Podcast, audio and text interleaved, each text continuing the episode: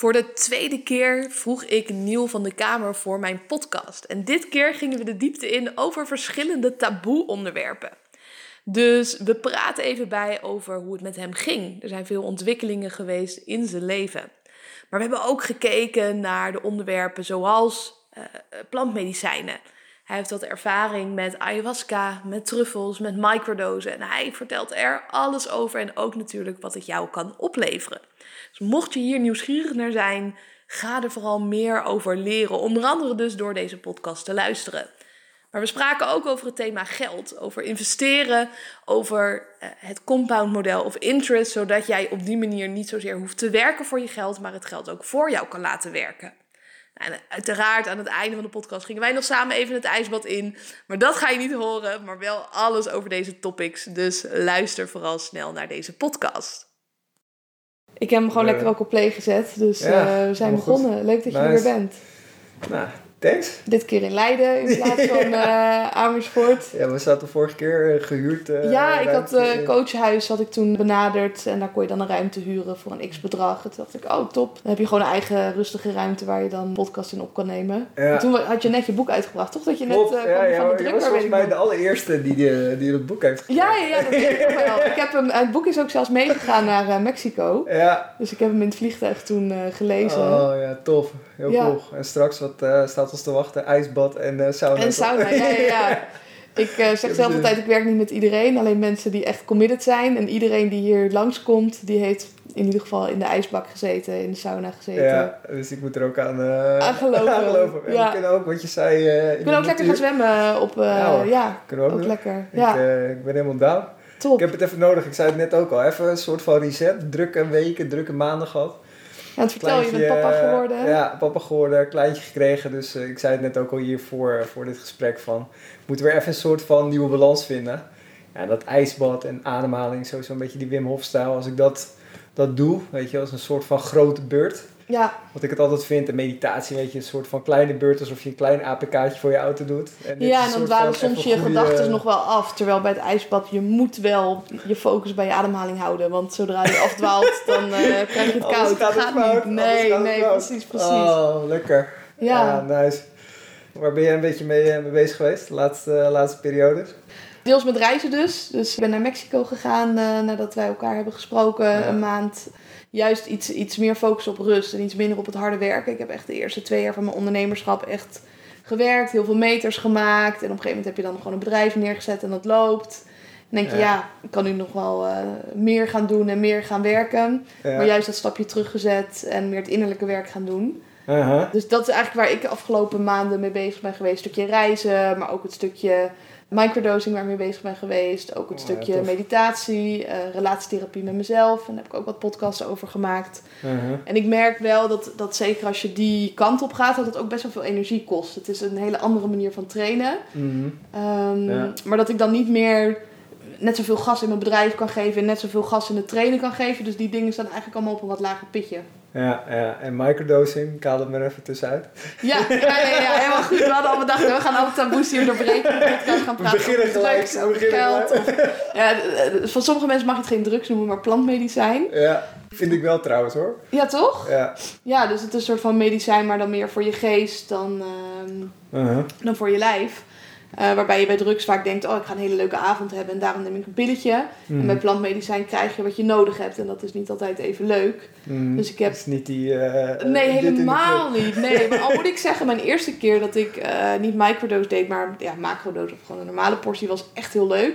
Ik zag mm. allemaal kleuren en ik voelde me heel, heel fijn en heel prettig.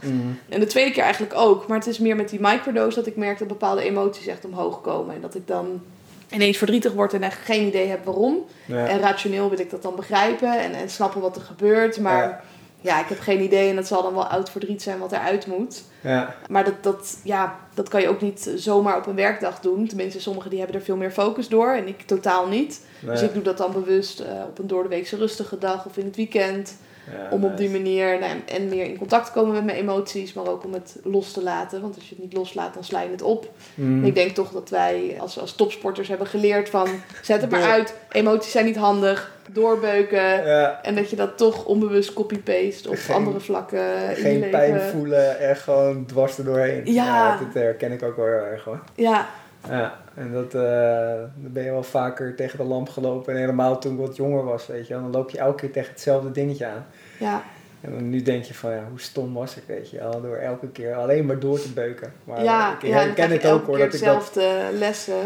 het zit bij mij ook nog een beetje in mijn onbewuste hoor. Dat dat het mijn mijn normale stand is om te gewoon te vechten. En gewoon nog harder te gaan als het eventjes niet, eh, niet mee zit, weet je wel. Dan eh, nog, nog een tandje erbij, terwijl je eigenlijk drie tandjes naar beneden moet. Ja, maar ik, ik haal er dus ook weer kunnen. energie uit zodra het zwaar wordt. Dat merk ik ook in de sport. Ik ben nu begonnen met crossfit. En dan ben je over de helft. We hadden volgens mij vorige keer er ook nog over Ja, ja, ja. crossfit. Op een gegeven moment is het, is het gevallen bij mij. Ik dacht, ik moet ook gaan crossfitten. Maar als het dan zwaar wordt en we zijn over de helft, dan komt er een soort van oerkracht in mij naar boven. Ja, Echt die laatste paar minuten, dan, dan ga ik nog all in. En dan zeggen de trainers van Isabel, hoe dan? hoe dan? Ja, het leek net alsof je op was en dan ineens Gaat er iets aan? gaat er iets aan inderdaad. Ik ga aan op het moment dat het zwaar wordt, denk ik. Ja, ja, heb ik ook al hoor. Merk ik met CrossFit ook. Sommige mensen stoppen dan en dan kan je net even wat meer, eh, meer geven. Ja, Ja, nice. Hey, maar dat microdosing, wat eh, je zegt, innerlijke eh, balans, et cetera. Ik heb er zelf ook al veel aan gehad. wat heb jij zelf Kan- gedaan qua microdosen? Heb je truffels Eh, gedaan? Truffels, microdosing gedaan. Ook gewoon normale porties. Eh, ik heb ook wel eens een keer mijn eigen paddo's eh, gekweekt. Oh, en die, cool. die als het ware qua microdosing gedaan. En dat vond ik ook wel, eh, wel nice. Ik vind truffels soms wel eens een beetje hard. Qua, Eh, ja, hoe het binnenkomt. En, en de paddo's zijn wat zachter. ja, Ja, en dan heb je een soort van de eindbaas. Het grote geheel ayahuasca, ja, daar ben ik gewoon echt fan van. wanneer was jouw eerste Ja. keer? Ayahuasca? Ja? Ik denk twee, twee jaar geleden of zo. Ja, dat heeft echt mijn perceptie op het leven veranderd. En dat, ik had altijd wel het gevoel van ik moet uit het corporate leven. Naar topsport gewoon het corporate leven ingaan. Dat was echt een super toffe periode. Maar de laatste periode merkte ik gewoon heel erg, ik moet die gewoon uit. En ik moet gewoon een soort van ideeën die ik heb, moet ik achterna gaan. Een soort van perceptie van als ik 50 ben en kijk terug, dan wil ik dat gewoon gedaan hebben. Ja. En ayahuasca heeft het gewoon echt bevestigd dat dat het pad is wat ik moet volgen. Dus ja, eigenlijk Niet, het, niet alleen maar het geld verdienen of Nee. medailles halen, maar veel meer je purpose leven. Ja, ja en dat, die purpose ook, weet je wel. Want ik dacht altijd van, ik moet groot, ik moet de wereld veranderen of dat soort dingen. En daar ook in die sessies gewoon teruggekomen. Het is eigenlijk vaak gewoon wel een bevestiging wat je diep van binnen voelt. Maar wat je een soort van rationaliseert. Of dat je denkt van, is het wel zo dat je het, gaat betwijfelen. Vaak die eerste, wat zegt ze toch, het eerste gevoel wat je hebt, vaak bij iets. Ja, dat vaak is je vaak het juiste. Ja. Ja. Ja, en bij ayahuasca zijn het ook gewoon van die dingetjes van nou, purpose. Gewoon dingen aan elkaar knopen en, en dat gewoon doorgeven aan de wereld. Weet je wel? En dat heb ik met mijn boek ook gedaan. Gewoon meerdere methodes bij elkaar. Wat al bestaat, aan elkaar knopen en dat doorzetten, soort van. Ja, en ja, daar, daar haalde ik altijd al veel voldoening aan. Weet je wel? Van een magnesiumpilletje die ik. eh, eh, vier keer heb moeten testen en allemaal verschillende poedertjes en dat soort dingen. Dat ik op een gegeven moment had van oké, dat is hem. Dat ik zo snel mogelijk dat wilde doorgeven, weet je wel. Ja. Ja, en dat is eigenlijk ook zo'n bevestiging met ayahuasca van ga gewoon dat pad op, weet je wel. En ja, we hadden het er net al over van is dat ayahuasca, is het nou je onbewuste die tegen je praat? Ja, hoe is kan het het iets dat je anders, weet je wel? krijgt? Hoe Ja. kom je opeens in die pot van, van kennis en wijsheid en inzichten van jezelf? En ja, dan is het altijd zaak van wat ga je ermee doen? Maar wij zijn Ja, ik denk ook dat het niet zo heel veel uitmaakt. We willen dingen heel vaak rationeel dus begrijpen. Dus dan willen we weten hoe we die inzichten hebben gekregen. Maar eigenlijk maakt het ook niet zo heel veel uit of dat iets is vanuit het universum waar je uit gaat tappen door zo'n plantmedicijn te nemen. Of dat het vanuit je onderbewuste komt. Iets wat je inderdaad altijd al weet, waar je Ja. ineens weer meer connectie mee maakt. Ja. Maar ja, Ja. wie zegt het, hè? we weten het niet. We kunnen dat helemaal niet waarnemen. Dus, en, en wat maakt het ergens ook uit? Ja, ja, Als je het gaat doen, dat is denk ik het allerbelangrijkste. Ja, het is zo mooi waar je, waar je in kan zitten. En dat je denkt van ja, het is gewoon een bevestiging op, op dat je soms ook op het goede pad bent. Of dat je gewoon totaal iets, iets anders moet gaan doen. En ik heb vrienden meegenomen naar van die sessies. Ja, want je hebt het ook vaker gedaan, zei je. Ja, vier keer. En gewoon ook echt vrienden meegenomen die... Ja, dat ik gewoon naar één, twee, drie sessies... Eén één vriend die ik heb meegenomen, die heeft er denk ik tien gedaan nu. Ja, die is een compleet ander mens geworden. Want En, ik, ik, ja. ik zou het nog gaan doen. En eh, uiteindelijk voelde het voor mij niet goed. Ze zeggen altijd, moeder ayahuasca moet je roepen. Dus eh, en toen ging die sessie niet door. En toen Ja. de volgende keer, ja, dat voelt niet helemaal goed. Maar ik hoor ook wel van mensen dat ze zeggen, ja, na één keer denk je niet meteen, oh yes, we gaan nog een keer. Dus Mm. Soms dan de eerste keer eh, kan je best wel door wat eh, troep en shit Ja. en eh, modder heen gaan. wat je al die jaren gewoon weggestopt. Dus waarom heb jij het bijvoorbeeld vaker gedaan? Of die vriend van jou tien keer? Ja, zelf denk ik gewoon dat ik het gevoel had na die eerste sessie van ik ben er nog niet, weet je wel. En de eerste was gewoon echt opruimen.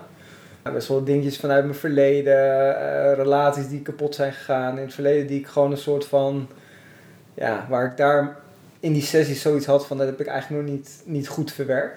Ja. Dus dat ik dat kon wegzetten, maar bijvoorbeeld ook mijn vrouw, haar ouders zijn heel vroeg eh, jong overleden. Die zijn, toen ze 15, 18 was, allebei overleden aan kanker. En in die sessie had ik ook het gevoel dat ik connectie met die ouders kon maken. En ik, had, ik heb die ouders nooit, of ik heb ze ooit wel eens een keer gezien, maar toen ging ik nog niet eh, met, mijn, eh, met mijn vrouw. Maar nooit echt bewust met hun gepraat of gezeten of dat soort dingen. En wat normaal is als je iemand ten huwelijk vraagt, is dat je natuurlijk de ouders een soort van om, om de hand van de, ja. van, de, van de dochter vraagt. En dat heb ik bij haar zusjes gedaan, maar nooit bij haar ouders. En toen merkte ik in die ayahuasca-sessie van, ja, ik heb dat nooit gedaan, maar dat zou ik op dit, moment, ja, op dit moment ook kunnen doen. Ik voelde een soort van die connectie. Het is heel raar, diep en dat soort dingen. Maar het voelde voor mij echt als dat moment dat ik met hun connectie had. En dat ik zoiets had van ja, hoe bizar is dit om dit te doen. Ja, mijn vrouw lag ook in die, eh, in die sessie, die was er ook bij. Ja, die heeft daar ook gewoon dingen met haar, met haar ouders nog, eh, nog kunnen afsluiten en dat soort dingen. Ja, dat zijn toch gewoon magische dingen waar we in ons normale stand niet bij kunnen. We hadden het daar net ook over, weet je wel. Van wat zorgt er nou voor dat we zelf niet als oermens daarin kunnen komen, weet je wel. Die, die echte diepe connectie met onszelf. ja, ik denk dat wij gewoon heel veel dingen niet waar kunnen nemen. En, en we willen alles waarnemen. Dus alles wat we niet waarnemen, dat, wat we niet met ons hoofd kunnen oplossen, dat gaan we ergens ook onderdrukken. Mhm. Met dat, dat gevoel van, oh, ik wil eigenlijk de wereld veranderen.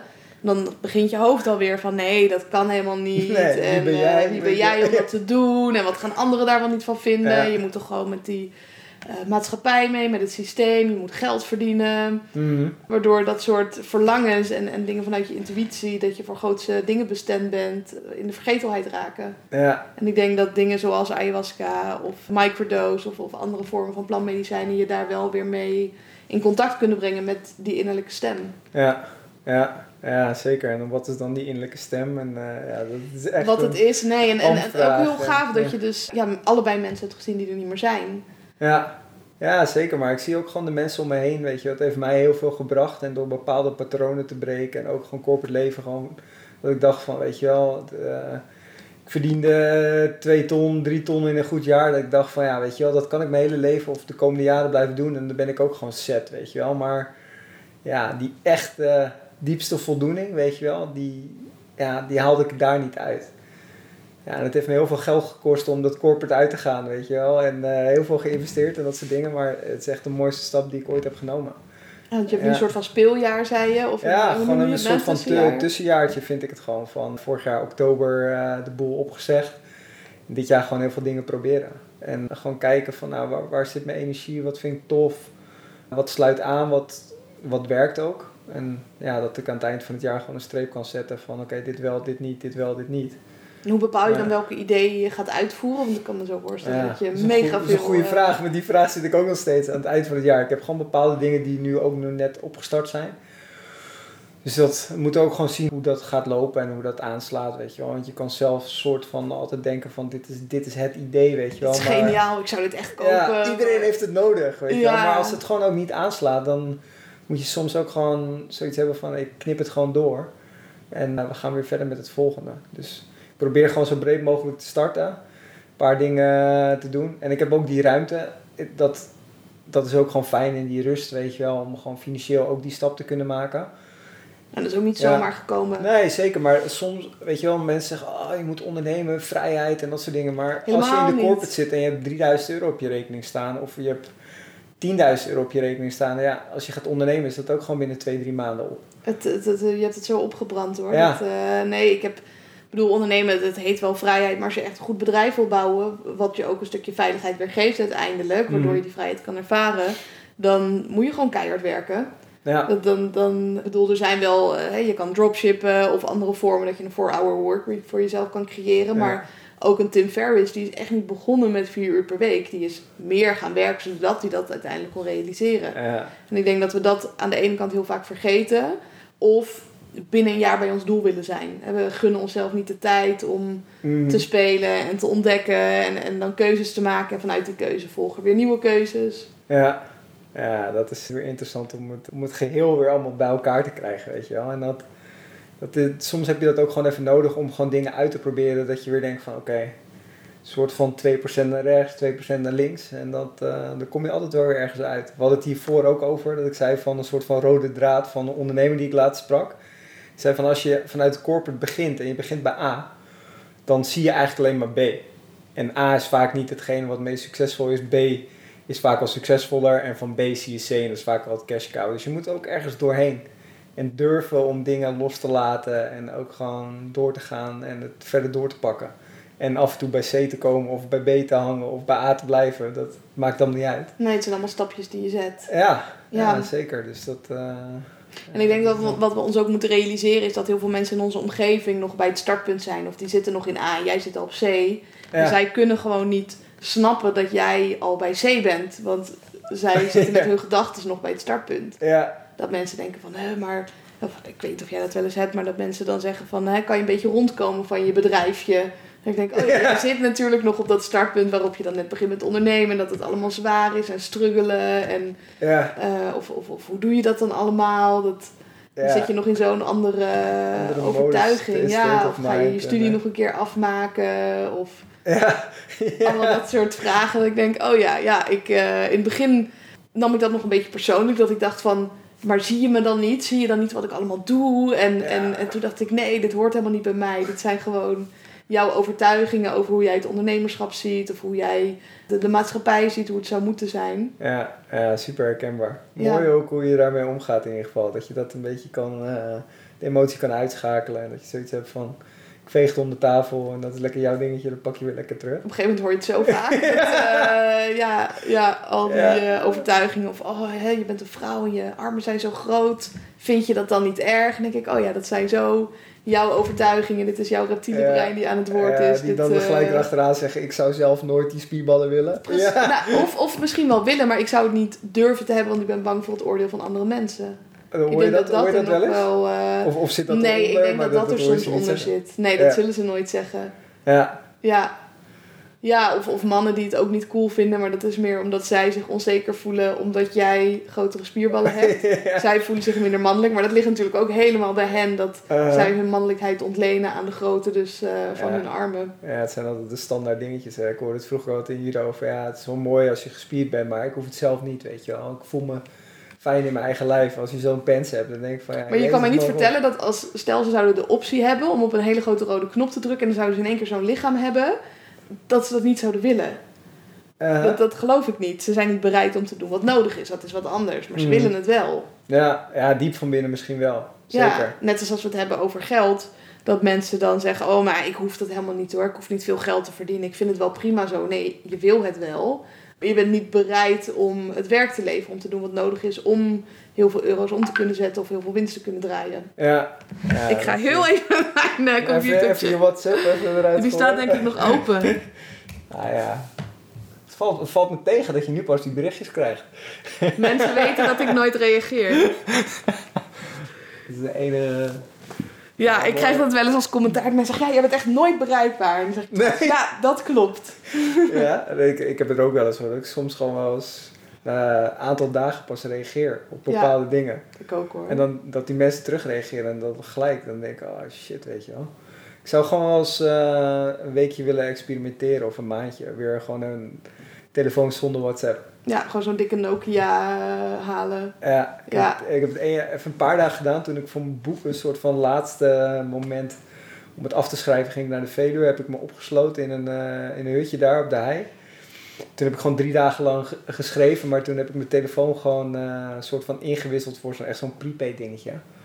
Ja, ik werd door één iemand gebeld, buiten mijn eigen familie.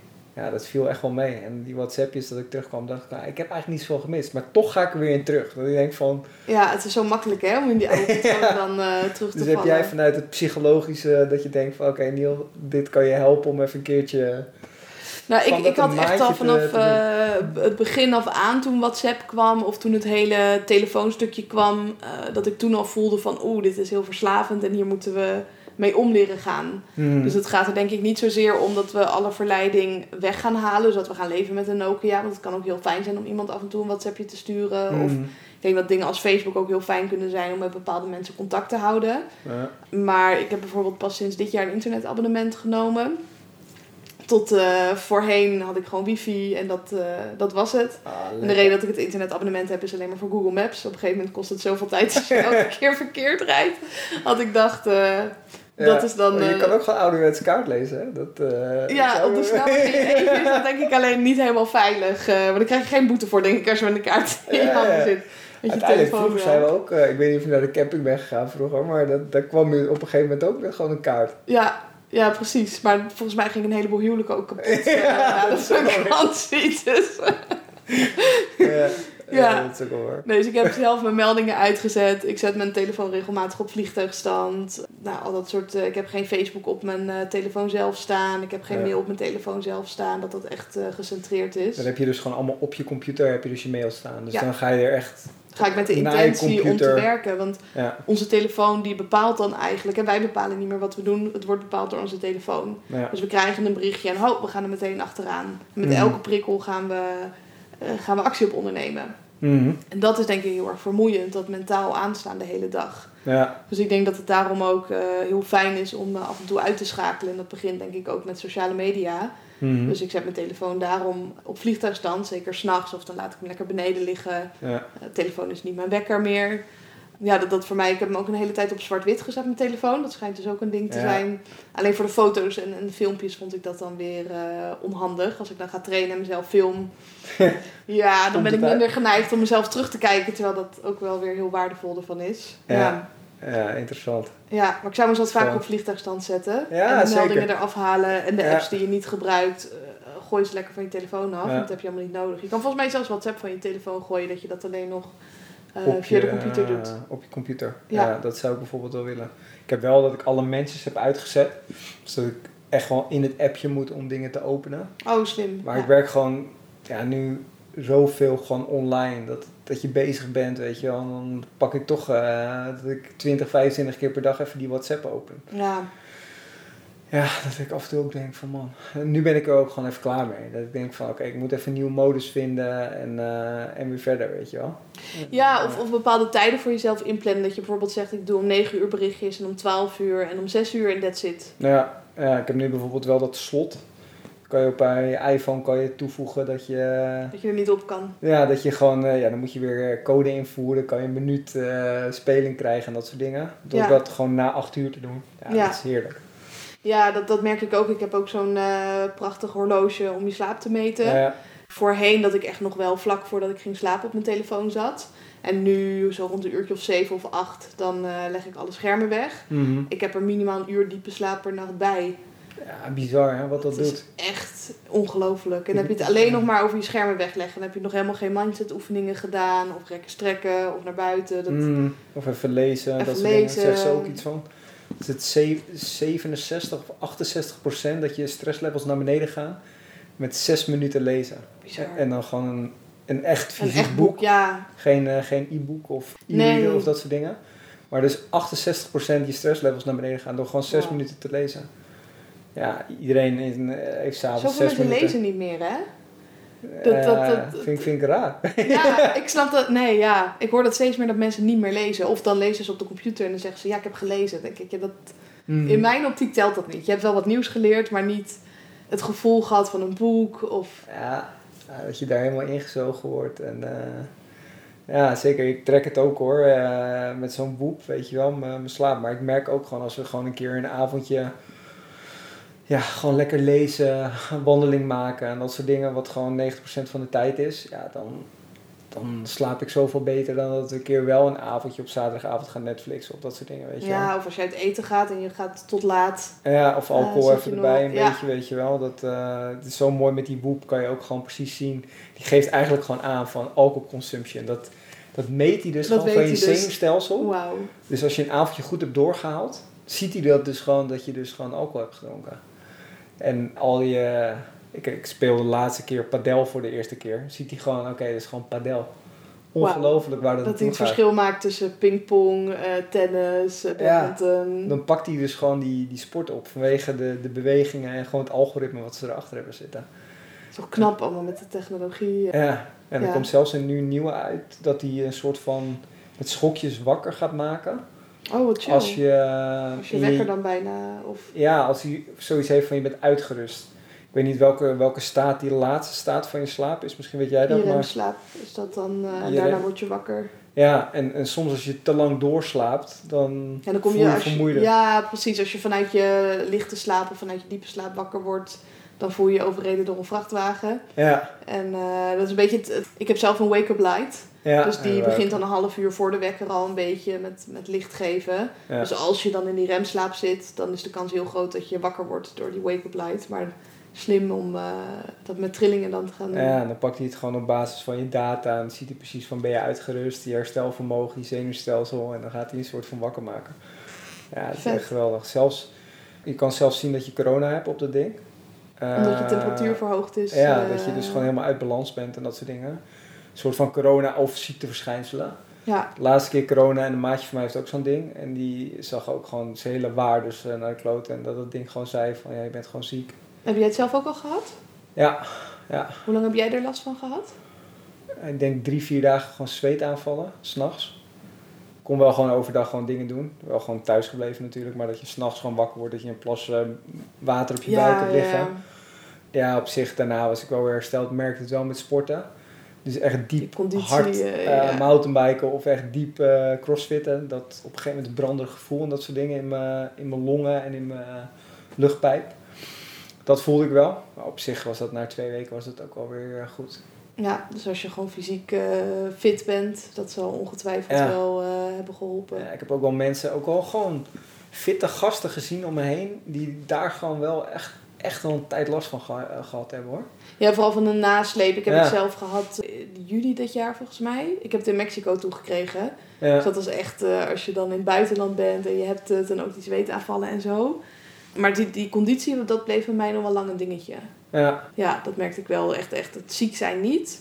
Maar wel nog die nasleep van vermoeidheid, van Ja. minder lekker in je vel zitten. Dat slaat toch wel op, op andere delen van je leven, denk ik ook. ja, ja, dat kan best.